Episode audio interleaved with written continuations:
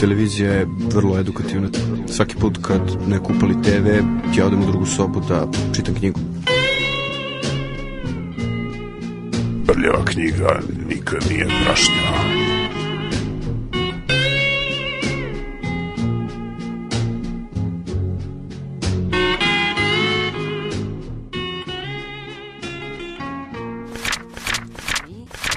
ulazimo u poslednji, poslednju desetinu, Jeste. tako da kažem, e, minuta ove naše današnje Boga mi. emisije. A to je naravno rubrika Jedan pisac, jedna knjiga. Jeste, i sad ćemo da se vratimo potpuno ovaj, u klasiku, pošto Mhm. zaista bilja dosta više, mislim, zove sa tim ovaj, moder, modernom i postmodernom, mislim, zove krajnje vreme, krajnje vreme da se, ovaj,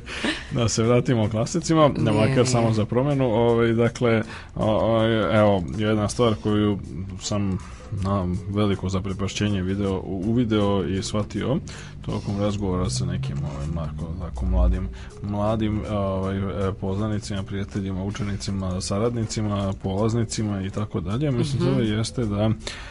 je jedna od klasičnih avanturističkih ovaj, knjiga 19. veka i mislim zove neke klasične e, ranije doživljavane omladinske literature ostala relativno nepoznata, relativno opet kažem, a po meni duboko skandalozno, a to je naravno to su naravno o, jeli kako bi se to prevelo na razne načine, mislim zove se na razne načine se prevodi, ali recimo najpoznatije doživljaj ili avanture Artura Gordona Pima, naravno radi se o romanu i to zapravo pa de facto jedinom romanu Edgar Allana Poe. Dakle, Edgar Allan Poe, čovjek koji je rođen pre tačno 200 godina, 1809. a umro pre tačno 160 godina 1849. dakle živeo relativno kratko 40, umro u 40. godini pod veoma čudnim okolnostima Dakle, od čega je tačno umro ne zna se, ovaj, kako stoje stvari vrlo moguće, mislim zove da je ovaj, umro od čistog alkoholizma, a ako ne, mislim zove onda moguće da je i bio žrtva, što bi se reklo, alkoholom inspirisanog kriminala. To nije sasvim jasno, zato što, mislim, zove u, Alkohol. umrlica bio je, mislim, zove na neki način, on je interpretiran, interpretiran je ovaj, kao e, ovaj, tako, skitnica i beskućnik, mislim, zove kada je ovaj, dospeo do ovaj, što bi se reklo bolnice ili već ustanove u koje bi mogao da ovaj, u Baltimoru e, znači tog oktobra 1849. m, e, tako da dok je identifikovano i dok je svačano uopšte mislim zove ono ko je on šta je on dok je identifikovan je već bilo kasno a i u to doba mislim zove baš nešto ono obdukcija i tako dalje se nije radila a i on je bio još uvijek u poređenju sa Slavom koji je kasnije mnogo posle smrti mislim zove počeo da uživa mislim zove je bio jedan onako sasvim nepoznat čovjek onako propali novinar između ostalog i e, čovjek koji je učinio prvi pokušaj uzre budi rečeno on je bio prvi čovjek na zapadnoj hemisferi celoj koji je pokušao da živi od ovaj, kao full time pisac. Mislim zove prvi čovjek ikada i nije se dobro proveo odnosno pokazalo se da je još izgleda bilo suviše rano za to tako da mislim zove svi njegovi uzaludni pokušaji mislim, da prvo da objavljuje po raznim drugim časopisima, posle da pravi svoj književni časopis, mislim zove pa da pravi svoju književnu produkciju, mislim za izdavaču kuću i tako dalje su se završili potpunim fijaskom. Tako da je on čovjek zaista, mislim zove ono bukvalno iza sebe nije ostavio ništa, znači ne, čovjek je um, ostavio samo ovako dugove, tako ostavio jedan potpuno onako utisak jednog beskućnika i ono u naj, u, ono bojama u najgoroj onoj interpretaciji. Misliš, Ja- materijalno nije ostavio ništa. Apsolutno, mislim zove, ovaj, i to je u potpunoj e, kontradikciji, mislim sve, naravno sa uticajem koji je ostvario, do duše opet kažem, mnogo, mnogo kasnije, pa poglavito zapravo na poznu veoma poznu 19. vekovnu i 20. vekovnu književnost, znači ljudi kao što su već pomenuti Herbert George Wells, ali također recimo Herman Melville i ovaj, recimo Jorge Luis Borges, mislim zove da ne pominjemo, mislim zove da pomenemo samo neka najveća imena, čak i oni koji i, i oni koji mm, su mu se direktno, mislim zove, dakle, ove koji su se direktno nastavili na njega kao što su recimo Lovecraft ili ili Arthur Conan Doyle u ostalom, kao čovjek, mislim zove koji je priznavao da je Edgar Allan Poe zapravo izumitelj celog dakle, žan, žanra detektivskog ili, ili kriminalističkog romana. Uh, ili pripovetke, jeli? A, takođe neki bi rekli da je on otac i a, science fiction žanra takođe a, i čitav niz drugih stvari, dakle njegov uticaj na današnju književnost, ono što danas percipiramo kao književnost ovaj, 20. veka je ogroman, potpuno i u potpunoj ove suprotnosti mislim zove kažem sa ugledom i ovaj razumevanjem i priznanjem koje je doživao za života. Uh, Njegova inače biografija ako bila prilično živopisna, on iako se rodio, mislim zove u, u Novoj Engleskoj, odnosno u, u Bostonu, on e, za mislim za njega je teško reći baš da pripada toj nekoj oj, hajde da kažemo onome što što se kasnije izgradilo kao neka vrsta te novoengleske, mislim zove ove scene moglo bi se tako nazvati scenom, jer je on zapravo najveći deo života i praktično većinu, većinu ovih nekih stvaralačkih perioda je proveo na jugu Sjedinjenih država, pre svega u Virginiji, u Richmondu, mislim da je takođe i u Baltimoru gde je nažalost tako nesečno i preminuo. E, život mu bio ovako prilično ovako dramatičan, interesantan i iz razno raznih razloga. A, a, a, i čitav niz nekih ima kasnije neki čitav niz nekakvih ovaj, u 20. veku, posebno u poslednjih recimo 30. godina pojavilo se nekoliko knjiga koje su vrsni pastiši koji su, koji su neke vrste romansirane biografije Edgar Allana Poa znači nezavisno da li ga nazivaju tim imenom ili ne ali ima čitav niz mislim zove tako likova koji književnih koji podsjećaju na njega A, ono što je recimo krajnje interesantno jeste da je čovjek koji je čovjek koji je ostavio znači između ostalih stvari zanimljiv trag na istoriju e, potpuno i radikalno nepovezanih, neki bi rekli sa književnošću oblasti kao što su kosmologija i kriptografija. Recimo u onih 1848. godine on je napisao jedan esej pod nazivom Eureka u kome je zapravo bio čovjek koji je ha, hajde na neki način moglo bi se reći ne baš predvideo pošto bi to bilo ipak suviše onako egzaktno govoreći, nego je zapravo na neki način bio jedna daleka prethodnica ili neki način naslutio buduću e, teoriju velikog praska. Mislim, on je praktično ovaj, prvi koji je shvatio da Olbersov paradoks, odnosno činjenica da je naš svemir jako daleko od stanja termodinamičke ravnoteže se može objasniti najbolje time što je on stvoren, on nastao relativno skoro i da je shodno tome zapravo bilo nemoguće da još uvek dođe do stanja termodinamičke ravnoteže. E, ono što je takođe interesantno jeste da je u znači u jedno vreme se ovako dosta intenzivno bavio kriptografijom i, i to je i to se ne samo pominje u nekoliko njegovih priča se koristi kao jedan deo ovaj, jedan, jedan deo književne motivacije, nego i on u nekoliko časopisa objavljivao razne kriptograme, šifre i razne tako nagradne igre i slično. Ono što je interesantno jeste da je, znači on zaista, to je privuklo pažnju ljudi koji su bili prvi u to doba, mislim zove prvi, dakle ovaj, u to vrlo rano doba prvi profesionalni kriptolozi. Konkretno William Friedman koji je bio praktično prvi američki profesionalni ovaj, mislim zove dešifrant, je bio strahovito pod ono uticajem po ove književnosti i njegovog interesovanja za kriptografiju, zapravo prvi je, mislim zove, čitajući kao relativ, kao mlad čovjek, mislim zove, još dečak praktično po ovu, posebno po ovu pripovetku Zlatna, Zlatna buba, u kojoj je jednu odlučujuću ulogu, mislim, igra jedna šifra, mislim zove, on se tako reći opredelio za, za proučavanje šifara i za kriptografiju iz čega je potekla cela škola, mislim, zove kriptografa američkih koja je, je li danas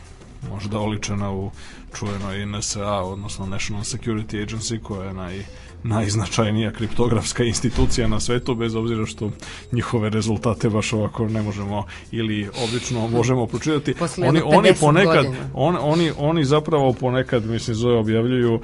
objavljuju u istraživačkim e, časopisima, mislim, zove kriptografskim, objavljuju, mislim, zove neke radove, ali pod pseudonimima. Naravno, naravno. I ono što je interesantno jeste da je naravno Poe poznat, mislim zove pre nego, pre nego što spomenemo, mislim zove znači e, avanture ili doživlje Artura Gordona Mhm. Pima, znači Poe je poznat i kao pesnik, uzre budi rečeno, mislim Mhm. zove dakle možda i više kao pesnik, mislim zove nego kao prozni pisac je bio bar poznat za, za života, znači njegove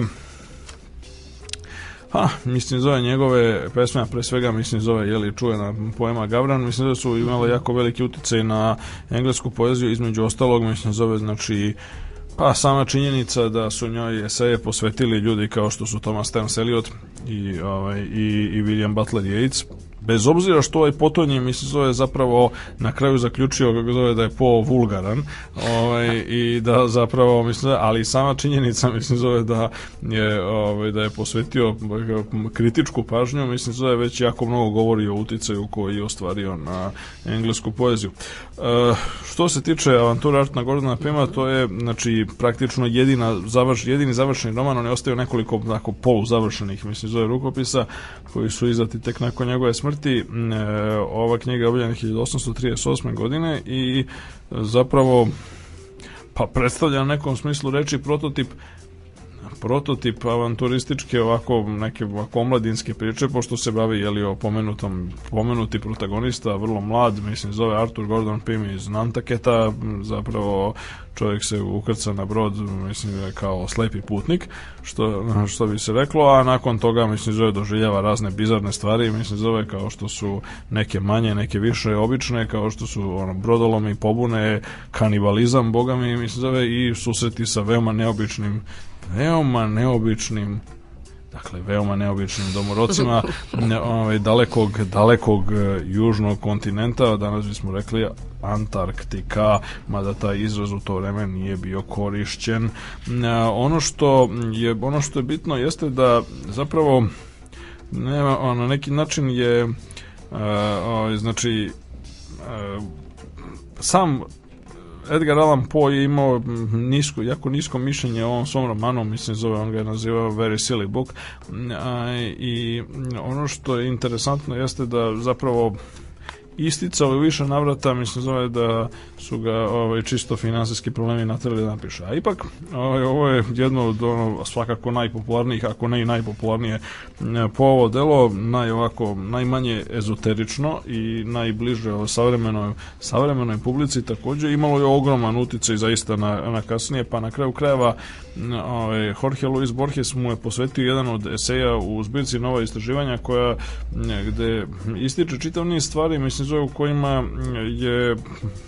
je ovo sasvim inovativna stvar i potpuno se različito i lako se može napraviti razlika mislim zove između uh, po, ovog, po ovog avanturističkog romana i recimo avanturističkih romana na primer šta ja znam mislim zove Jonathana Swifta tamo Gullivera mm -hmm. putovanja mislim zove ili ne znam Robinsona Crusoe i tako dalje znači vidi se da je po neuporedivo neuporedivo moderniji mislim zove daleko bliži mislim zove našem vremenu i na neki način činjenica da su u jeli 20. veku mislim zove mnogi ljudi pisali a, ako ne potpune pastiše, a ono u najmanju ruku pa neorganski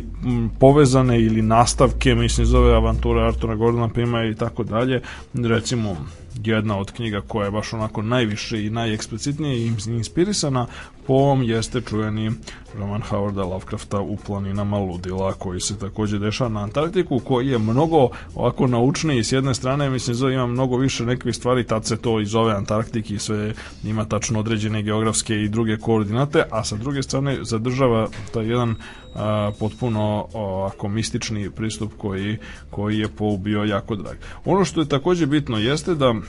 znači Poe je bio pionir nečega što je do tada i u njegovo doba, opet treba se treba razumeti, to su znači to čak nije ni ono viktorijansko doba koje znamo kako je bilo onako formalno konzervativno i ostalo. Ovo je bilo još decenijama pre toga, uh, u tom smislu njegovo uh, poigravanje sa uobičajenim konvencijama pisanja proze je bilo zaista neverovatno radikalno. To danas ne možemo mi da predočimo, mislim zove koliko je to kad on recimo napravi mm, onakav jedan završetak ono koji ja neću da prepričavam šta se dešava zato što svako treba naravno mislim zove ko nije da pročita za sebe, ali je potpuno u suprotnosti sa svim konvencijama koje su govorile da treba da dođe do nekakvog jasno razumljivog raspleta, da se zna šta se dešava, da budu ono, ne znam, da, da, da, da, imamo, da, imamo, da imamo moralnu pouku, mislim zove, koja će, se, koja će biti jasna čitaocu, koja će doprineti njegovom moralnom razvitku i sve tako kako se već, mislim zove, insistiralo na tome, e, ili e, u najmanju ruku, mislim zove da će predstavljati dovoljno dobro, ne znam, podražavanje antičkih ili već nekih drugih uzora kako su romantičari, mislim zove to njegovi savremenici insistirali, no je ono što da mora dođe do katarze, mislim, zove, je li već tako nešto. E sad, toga naravno nema. Umesto toga imamo nešto što pripada evidentno čak ne modernoj, nego postmodernoj književnosti zapravo, a to je ideja o rukopisu kao glavnom subjektu, znači kao glavnom objektu književnog istraživanja je sam tekst, znači ne neka dešavanja i tako dalje, nego sam tekst. I shodno tome imamo napomenu na kraju, koja je danas postala toliko opšte mesto da svi mogući, mislim, zove pišu lažne napomene i posmatraju stvari, mislim zove kao da su nekakvi pronađeni rukopisi ili kao da su, ne znam, izvađeni za oštavštine ili kompilirane i tako dalje, tako da se nama taj postupak čini potpuno prirodnim, normalnim i ono uobičajenim i, i ne preterano originalnim. Mislim, zove to sve travnička hronika Andrićeva, mislim, zove šta god uzmemo, mislim, zove sve se radi o nekim rukopisima koji su pronađeni nakladno i tako dalje. I sad ja ne bih preterivo kad kažem da recimo, ne znam, ono, 50% verovatno dobitnika Nobelove nagrade za književnost u poslednjih pola veka je dobilo Nobelovu nagradu na osnovu romana koji su znači na taj način konstruisani, mislim zove, koji su konstruisani kao pronađeni rukopisi ili analizirani dokumenti, mislim zove, ili na, na te neke metode koji se danas proglašavaju opravdano ili neopravdano na drugu stranu, ali kao postmoderno. E sad, mm -hmm. to, početak toga je naravno, mislim zove, bilo ovaj, upravo sa Edgarom Malanom Poom, i za sam kraj, dakle, za sam kraj evo, o, ove radio galaksije završna napomena koja ne zapravo ne otkriva ništa preterano bitno, ali nam pokazuje, mislim, zove kako je, kako je bar početak završene napomene, koja ima dve i po strane e, i koja e, dakle koja vam koja pokazuje način na koji je zaista pobio barem vek ako ne i više ispred svog vremena.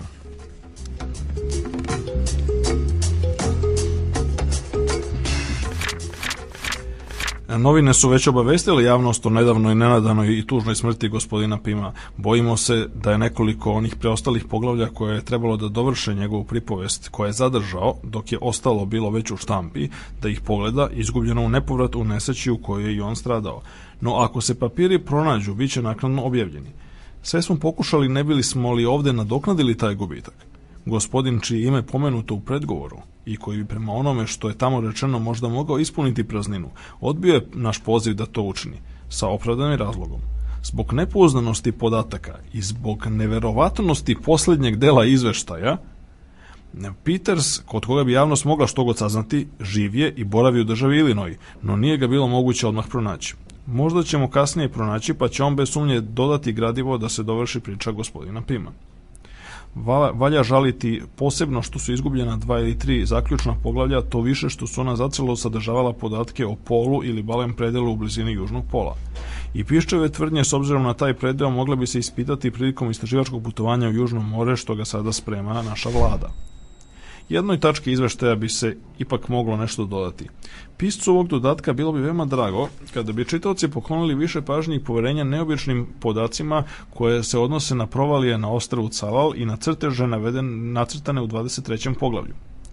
Gospodin Pim je dao crteže onih provalija bez tumačenja i odlučno utvrdio da su zarezi što ih je pronašao u istočnom delu tih rupa neobično slični abecednim znakovima, ali da to ipak nisu neka slova –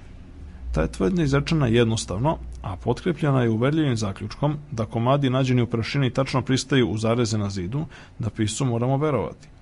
Niko neće ni posumnjati u to, no stvarna veza između svih znakova upravo je neobična, osobito ako uzmemo u obzir tvrdnje u izveštaju, pa bi se moglo o tome nešto više reći. Šta više, to su neke činjenice koje su izmakle